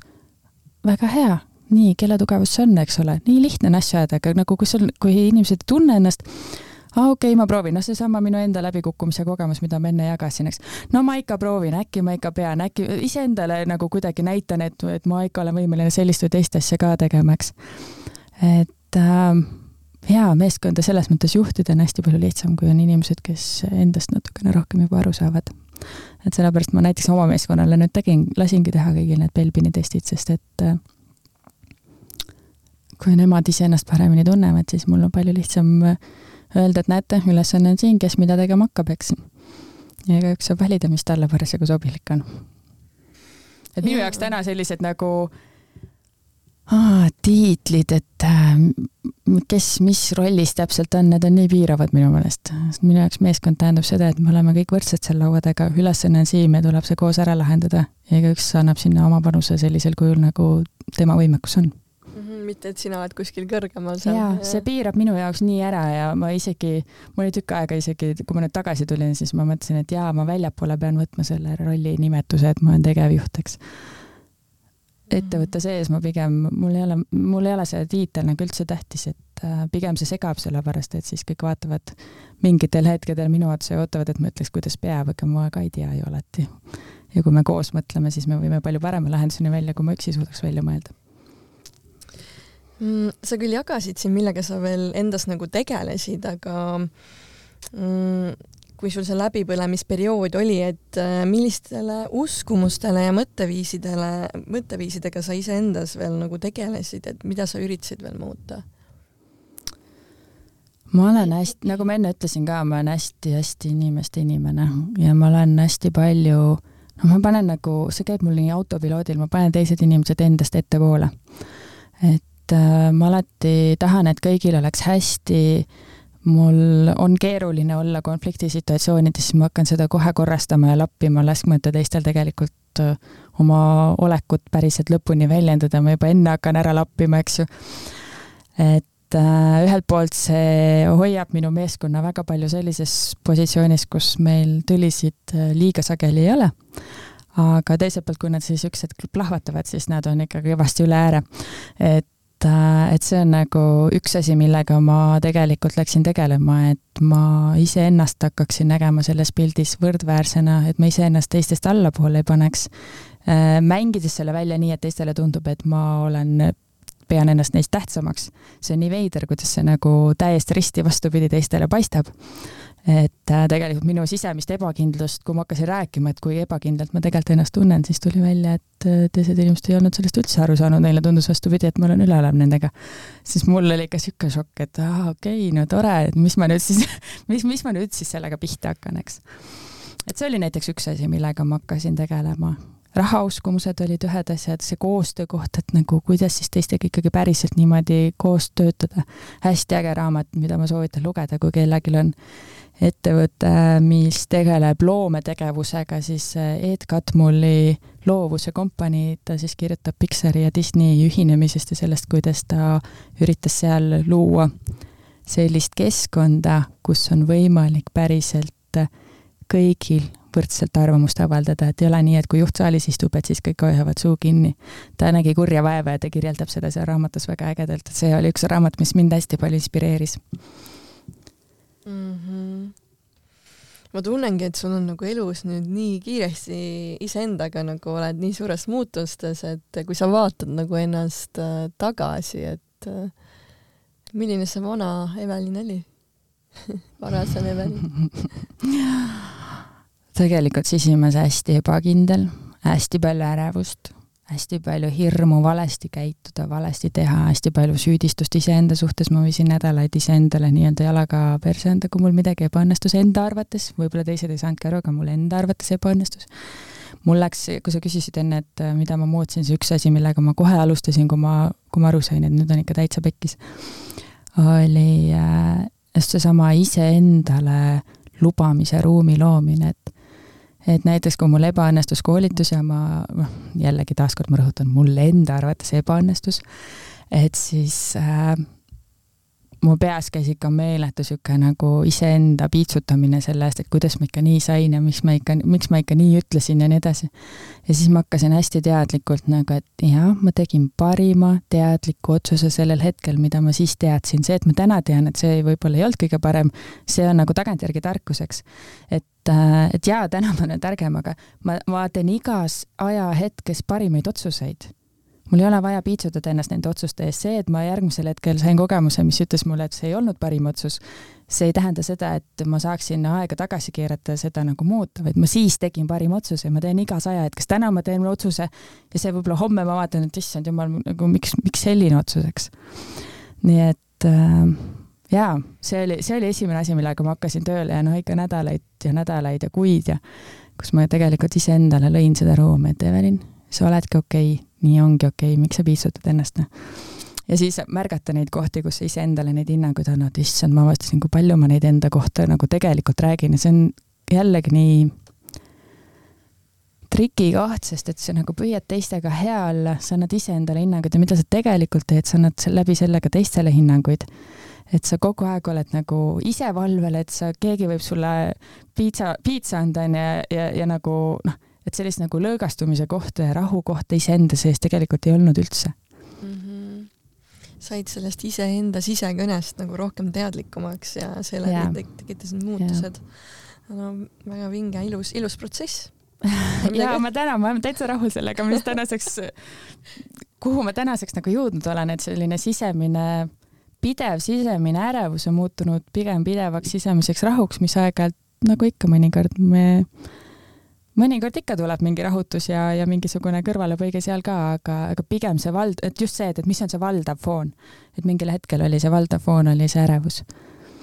täna on see pigem valdav foon on rahulikkus ja siis nagu ma olen, ma ei ole kunagi nii rahulik ema olnud, kui ma täna olen ja ma olen nii tänulik selle, selle eest, et ma olen valinud seda protsessi teha, see on mega raske olnud. selles on väga palju valu olnud ja väga palju raskust olnud just nagu noh, sest noh, ei ole mugav endale otsa vaadata, eks aga see tulemus, mis sellest tulnud on, jaa, ma ei ole mitte kunagi nii rahulik olnud no väga äge kuulda igal juhul, ma arvan, paljudel on sellest äh, midagi kõrva taha võtta. Mm, mul ongi mõned äh, viimased küsimused veel sulle, et äh, kuidas sa või noh, kas sa nüüd siis nagu sa rääkisid, oled selle teekonna endas läbi käinud, et suudad olla erinevates rollides päris aus, ehe iseendaga erinevates sellistes valdkondades, kus sa pead nagu olema erinevates rollides ka? ma ei julge öelda, et ma alati olen, sest et äh, ma olen kindel, et seal nii-öelda selles pimeaknas on veel kindlasti asju, mida ma veel ise ka ei näe, et, et oleks natukene ennatlik öelda, jaa, nüüd ma oskan ja, ja saan. no see on meil kõigil tegelikult, aga aga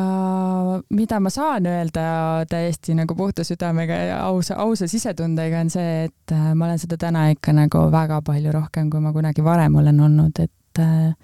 et ka meeskonnas täna ma olen, ma olen nagu ma olen ja, ja kui mul on kehva, siis ma ütlen, et mul on täna kehva ja et minu jaoks on hästi suur küsimus alati olnud, et kui me räägime, räägime ärimaailmast, et siis üks koolkond arvab, et juht peaks olema see, kes nagu tuleb alati ja nagu justkui nagu välja lülitab kõik selle, mis ta muidu on ja tööl on mingi teine inimene ja siis ta nagu, et ta ei tohiks nagu välja näidata seda, et tal kuidagi kehv on või mis iganes ja siis ma ei tea, minul ei ole see kunagi õnnestunud, ma ei ole seda kunagi teha osanud, ma ei oska, ma ei oska nagu niimoodi ennast ümber lülitada. ja ma täna olengi selline, et ma, mida ma kontrollin selle juures, on see, et, et see, et mul on paha tuju, ei tähenda, et mul on õigus teiste peal see välja elada. aga mul on õigus olla oma tujudega nii, nagu ma olen Äh, mida sina selle, sellest osas arvad, et äh, kas juht võib olla siis oma töötajatega nagu sõber või, või seal või, võiks olla nagu mingisugune väike distants? See on äh, väga lahe küsimus, ma ei oska täna vastata, ma olen ise kompamas seda piiri, kus see minu jaoks on. minu jaoks on töötajad pigem alati olnud ka osaliselt nagu sõbrad, et äh, ma, nagu ma ütlesin, ma ei oska nagu piiri tõmmata sinna, et äh, kui ma olen mina, siis ma nagu tahan nagu jagada kõike ja, ja olla nagu, et, siis me olemegi nagu kõiges koos. jah, minul on endal nagu sama tunne, aga samas nagu tekib jälle noh, seal -hmm. võib, võivad tekkida mingid sellised äh, peened äh, ja tekivad ja ma olen, olen ka just kogemas selliseid äh, protsesse, kus ma olen taas selle küsimuse ees, et, et aga et mis mismoodi ma seda siis nagu jagama peaksin, et ma väga hästi ei kujuta ette, kuidas see käib. sa peaksid aga... tegelikult ennast ikkagi mingil moel piirama, ma tunnen nagu. jaa, ja ma, mul on, ma eile just mõtlesin selle peale, et nagu kas ma siis olen nõus ennast piirama ja no ei ole noh. kui teile ei sobi minuga koos olla, siis alati on teised valikud, minul on teised valikud, teil on teised valikud. et äh, kas ma peaksin, kas keegi meist peaks piirama sellepärast, et noh, ka meeskonnas, et kui sinul minuga koos ei ole mugav, siis nagu minu, ma olen õnnelik, kui sa lähed, sest et äh, sa valid seda, mis sulle parim on, kui sa oled siin ja, ja tunned kogu aeg ennast ebamugavalt, siis on meil kõigil ebamugav et selles mõttes on nagu noh, me oleme, ma ei tea, no minu tundlikkusaste on tänaseks ikka nagu väga kõrgeks arenenud, et et see on alati kõrge olnud, aga nüüd, kui ma seda teadlikult kuulan, siis nagu see noh, kui sa astud ruumi, sa kohe tajud ära, mis tundega keegi seal on, kas on ebamugav, on hästi, koolitamise mõttes iseenesest on see hea, sest ma nagu üsna kiiresti, see on nii huvitav, ma ükskord hakkasin mõtlema, et mida koolitaja teeb kõike sellel ajal, kui ta räägib. siin ikka täiesti ulme mitu sahtlit korraga töös on, eks ju, et üks radar kogu aeg töötab selle pealt, et kuidas inimesed ennast tunnevad ja siis teine sahtel töötab sellega, et mis ma nüüd räägin ja kolmas sahtel töötab sellega, et huvitav, kuidas see ruum on ja kas see pult järgmiseks tööle hakkab ja noh, see on nii mitu sahtlit käib korraga töös, et see on hästi põnev vaadata jah, aga see sihuke inimeste tunnetamise see radar on mul kogu aeg töös, et et see on kohati keeruline, raske ja osa inimesi, noh, mina ka varem, ma üritasin seda nagu eirata või endast nagu eemale lükata, et noh, ma olen liiga tundlik, liiga emotsionaalne, ma ei tea, sõjafilme ei saa vaadata ilma nutmata ja nii edasi, eks ju. ja siis ma mingi hetk avastasin, et oh my god, aga see ongi ju minu võimekus. see on see, mille pealt täna inimesed jõuavad minuni mille pärast nad minu koolitustel peaksid osalema. ma täna vaatan noori, siis mul on hästi äge tunne, sest ma olen täna, ma olen täna nii aus, et ma räägin noortele ka ikka nagu väga-väga nagu palju selliseid, mõnikord ma ütlen ka, et õpetajad, pange nüüd kõrvad kinni, mul on piinlik rääkida aga ma tahan, et noored õpivad. no väga vinge. no ma arvan ka, et nagu hea juht nagu oskabki kohaneda igas keskkonnas nagu oma nende meeskonnaliikmetega, et ei tohiks nagu noh, nii suurt barjääri seal nagu vahele lüüa, ükskõik kus siis äh, viibitakse nagu. see on, ma arvan ka see, et see on ka natuke erinev, et vot me tegeleme inimestega igapäevaselt mm, -hmm. eks, ja meie ülesanne ongi olla hästi empaatilised ja tundlikud inimest, kaasinimeste suhtes. et ma arvan, et meie meeskond on ka keskmisest äh, keskmisest rohkem arvestab ja mõtleb sellele, kuidas kaastöötajad mõtlevad. kui me teeks mingisugust, ma ei tea, tootmisliin oleks kuskil, siis sellel ei ole mitte mingisugust tähtsust ja ma arvan, et seal on hoopis te-, noh, et kui ma mõtlen ka Belbini peale, siis terve hulk eh, rolle on sellised, kelle jaoks need inimesed ei ole kõige tähtsamad, kelle jaoks ongi see mingi spetsialistiks olemine,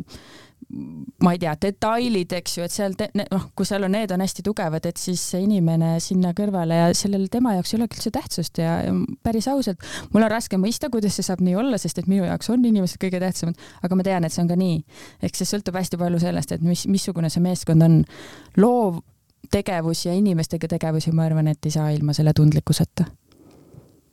jaa, tõsi mm kas sa täna julged olla alasti teiste ees oma hinge nii-öelda avatuna hoida või tulevad veel mingid kaitsed ette, noh, mina mingites olukordades ikka tunnen, et äh, kuskil tuleb mingi kaitse ette või mingi piirang, aga noh, neid ongi äge märgata, vaata, siis oskad avarduda rohkem. aga kuidas sul on? see on nii äge, et äh, küsimus on täpselt õigel ajal esitatud. just sain teada, et ei ole et ikka mingi koha peal kuskil tuleb see enesekaitse sisse, et, äh, et aga mina, et nagu mis mõttes nüüd minust üle sõidetakse. ja siis mul oli nagu okei okay,, nii, et äh, võtame nüüd, võtame nüüd kaks sammu tagasi ja vaatame, mis see siis tegelikult on, mis minu sees nüüd päriselt reageerima hakkas, et, et tegelikult on nii äge. Alguses on raske, aga tegelikult on nii äge, kui inimesed neid nuppe vajutavad, sest et siis jälle avastad, et vau wow,, aa, selline osa on ka veel minus peidus, vot kui äge ja mis ma veel olen avastanud, on see, et, et me kipume tõrjuma neid äh, asju, mis tunduvad meile ebamugavad. ja ma täna vaatan nendele asjadele otsa sellise nurgaga, et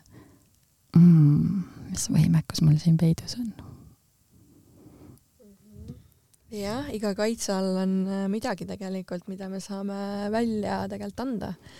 aga see tuleb kõigepealt see blokeering ja kaitse tuleb kõigepealt äh,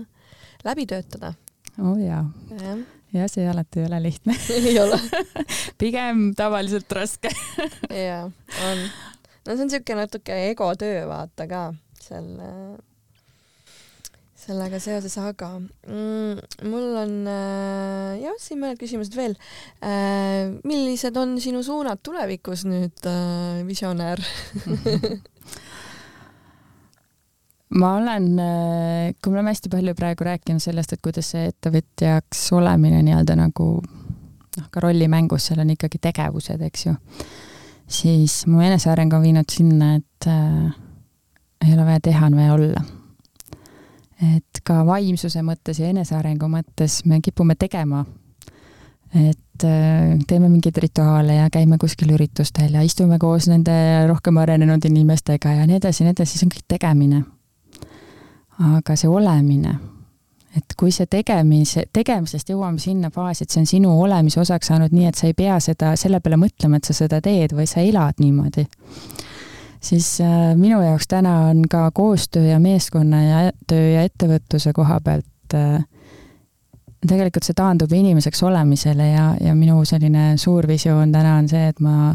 soovin, et äh, see kadalipp, mille mina olen läbi teinud, ütleb välja tulla igasugustest häbitunnetest ja, ja süütunnetest, mida kõike meie erinevad siis elu jooksul kogetud äh, mm,, kuidas ma selle sõnastan siis, noh, lapsevanemad, kool, nii edasi, eks ju, et igalt poolt sealt tuleb selliseid äh, mingisugust asja kaasa, millega, mis ei ole otseselt vale, aga noh, mina näiteks täna tunnen palju asju, ma pean nagu ümber kirjutama kuidagi teistmoodi mõtestama, et mulle tundub, et tänased noored on, kusjuures see on huvitav koht ja toon selle siia sisse. mulle tundub, et selle kümne aasta jooksul need noored, kes olid kümme aastat tagasi ja need, kes täna tulevad mängima, nad on täiesti erinevad nad nagu tulevad, neil on hoopis, kui varem oli see, et, et vot meie vanused veel mõtlevad, et raha on tähtis ja raha pärast tuleb pingutada ja siis selle nimel võib ka teha niimoodi hambad ristis tööd ja mulle tundub väga palju noori täna, enamik noori täna, nad ei ole nõus enam niimoodi üldse töötama. Nende jaoks peab tööl olema tähendus. Nad ei ole nõus lihtsalt, et ma käin hambad ristis nui neljaks tööle, et raha saada kui tähendust ei ole, siis ta läheb. ja see on nagu üks asi, mida ma noortelegi ütlen, et ärge pange tähele neid täiskasvanuid, kes ütlevad, et ei tohi töökohta vahetada, et siis te olete nagu kuidagi noh, et ei oska kuskil ühe koha peal olla, eks ju äh,. ärge kuulake neid, sest see on nende maailm kui sina otsid endale seda õiget kohta, seda, mis sinule tähendusrikas on ja täna, kui palju meie ettevõtted täna mõtlevad selle peale, kas see töö on tähendusrikas inimeste jaoks et see mulle tundub, et see on nagu hästi-hästi pildis ja järjest rohkem ettevõtted peavad mõtlema selle peale, noh, vanemad ettevõtjad peavad mõtlema selle peale, noored teevad juba loomulikust, eks ju mm. -hmm. et, äh, et mis, mis tähendust, mis noh, mida see siis maailmas nagu ära teeb või muudab, minul on selles mõttes hästi lihtne olnud.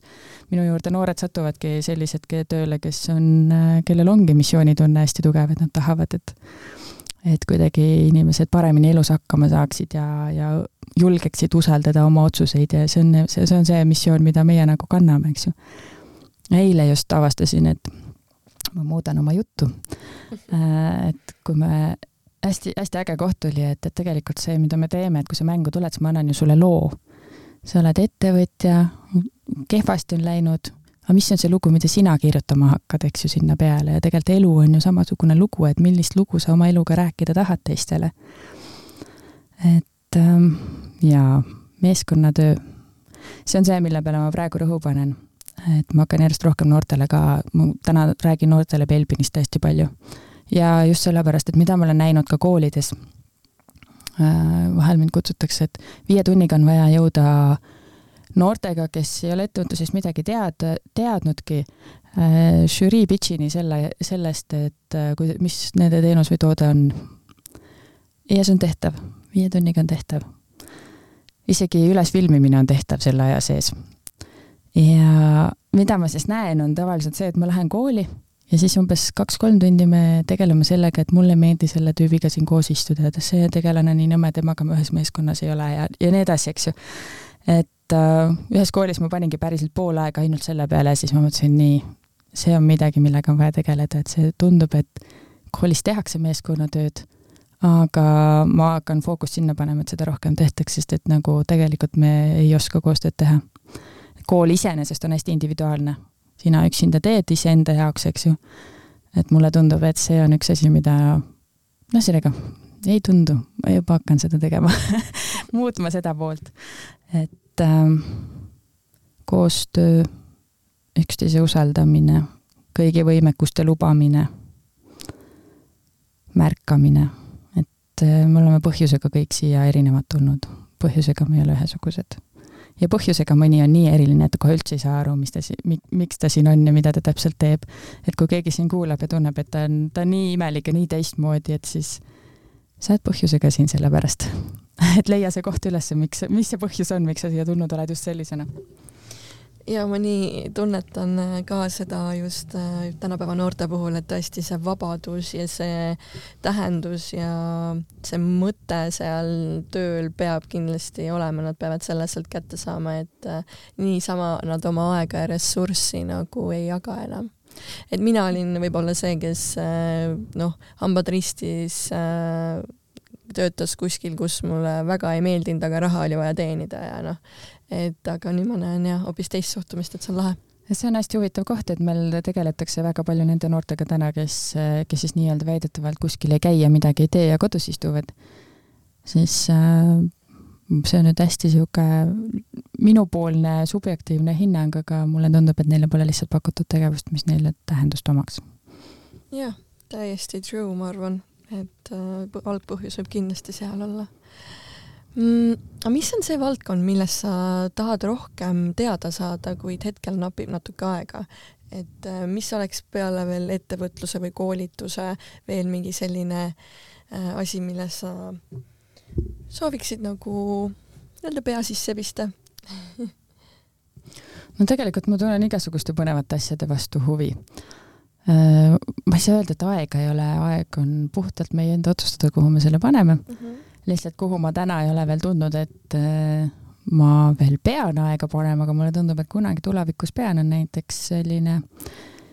sinise majanduse ja, ja selline hästi põnevad igasugused lahendused on olemas, kuidas kasvatada taimi võimalikult vähese ajakulu ja ressursikuluga ja nii edasi, et need on niisugused põnevad valdkonnad, mis minus ärgitavad mõtlemist. et suvel jälle on Gunter Pauli Eestisse tulemas, tema on sinise majanduse üks teooria loojaid, et taanlane ja, ja käib õpetamas Eestis ka lastele lugude jutustamise metoodikat, tal on äh, raamatud kirjutatud lastele, mille põhjal saab siis arutelusid tekitada, kuidas majanduses ja kuidas säästlikumalt äh, koos elada ja see on hästi-hästi lahe selline metoodika, ta on ise nii äge, et jaa, kellel vähegi siin midagi ära klikib, et siis Gunterit äh, tasub kuulama minna, ta on, see on äge, kuidas ta seda kõike jagab ja räägib ei teadnudki sellest mitte midagi äh, jaa, Lille, kui te otsite, siis Lilleoru võtab teda vastu suvel, nii et äh, ja ja see on see valdkond, kus ma tunnen, et ma tahaksin, aga ma veel ei ole valinud astuda sinna nii sügavuti. Äh, jaa, nüüd mul ongi kaks viimast küsimust sulle, et äh, kust saab ettevõtlusküla kohta rohkem infot ja kas see asub ainult äh, siis Tartus? ettevõtlusküla.ee, et O ja Y-ga ja eh, ei ole ainult Tartus, et eh, Tallinnas on meil frantsiis, Tallinna linnak on Tallinna linna oma ja kelles, kes nüüd Tallinnas kuulajad on, siis äh, Tallinna linn maksab Tallinna linna koolidele kõik käimised kinni, ehk siis et Tallinna koolidel on täiesti tasuta käimine, nii et võite Tallinna linnakuga ühendust võtta, kui teie laps kuskil ja õpetajad nõus saate, et seal samamoodi siis õpetajagrupiga saab käia, aga. Vau, kui lahe, vaata üldse ei teadnudki, et niisugune võimalus on ju, et. jaa, äh, aga Tartusse Tartusse kutsun äh, neid, kes Lõuna-Eesti pool on ja selles mõttes me toimetame hästi erineva, et meie frantsiisi mõte on see, et nad tegelikult, mäng on sama, tegevus on nagu juhendatud sarnaselt, aga noh, meie oleme, toimetame nagu niimoodi ettevõttena ikkagi, et Tallinna linn otsustas, et nemad tahavad, et nende koolid saaksid ka ja, ja lõid selle võimaluse. et äh, ja ka Tartusse kui on sellist mõtet, et tahaks äh, meeskonnaga panna ennast proovile ja, ja katsetada sellises hoopis teistsuguses keskkonnas äh, ja olla, olla sellises äh, ühelt poolt nagu, ma ei taha nimetada seda koolituseks, et ma tunnen, et see on selline nagu põnev väljakutse, milles osaleda ja samas ma panen sinna sisse kindlasti sellist analüüsi hästi palju, et kuidas siis inimesed mingites olukordades käituvad ja mis vabandusi nad seal mängus välja toovad, eks me toome päriselus sama asju ju välja, eks ju et kõike seda, seda vastavalt sellele, kuidas üks meeskond leiab, et ta tahab, aga võib ka niisama lõbutsema tulla. üks vahva grupp oli meil, et äh, isad, ettevõtjatest isad otsustasid, et nad isadepäeva tähistavad koos lastega meie juures. nii et nad äh, tulid siis niimoodi, isad ja pojad tulid meie juurde, panid oma kakskümmend, kolmkümmend inimest kokku ja tulid mängima mm,. väga vinge jaa, ja mul ongi nüüd küsimused tegelikult otsa saanud, et kui sul endal on veel midagi, mida sa tahaksid võib-olla meie kuulajatele lõpetuseks öelda, siis äh, võid seda teha. mul on kõigile inimestele ainult üsna üks ja konkreetne sõnum, mida muidugi päris raske teostada, aga usaldage iseennast, usaldage seda, mida te tunnete, mida te tajute, mida, mida te tegelikult teha võiksite, et et äh, kui me ainult rohkem ennast usaldaksime, siis meil oleks siin maailmas palju lihtsam kõigil koos olla. vinge, mina igatahes väga tänan, Evelin, et sa täna siia hommikusse nii-öelda salvestusaega tulid. sa tulid täitsa ju Tartust ja, ja ja et sa jagasid seda väärtuslikku infot meiega, et, ähm, et ma arvan, et äh, nii mõnigi kuulaja paneb nüüd oma lapse sinna ettevõtluskülla, ma usun küll. Jaa, ja tulge ise ka, et ma räägin, et see on äh, täiskasvanutele sama, kui ma ise lõpuks seda mängu mängida sain, mul oli väga põnev, kuigi ma tean kõiki telgitaguseid see ongi põhiline tegelikult et äh, ma olin, ma olin väga rahul, kui ma selle mängu olin lõpetanud, sain aru, kui hasarti ma olin läinud, siis ma olin nagu, vot on hästi tehtud mäng ja mänguloojal on endal ka põnev, no super, super. aga ma kuulajad tänan, et te kuulasite ja jagage seda oma sõpradega või tuttavatega ja like ige, share ige, andke tagasisidet ja aitäh sulle, Evelin. aitäh Ja, čauky, plavky. Number one desirable. I do what I want when I want and how I want it. Leave you with the one in the air. That's how I roll. I got changes, so I don't care.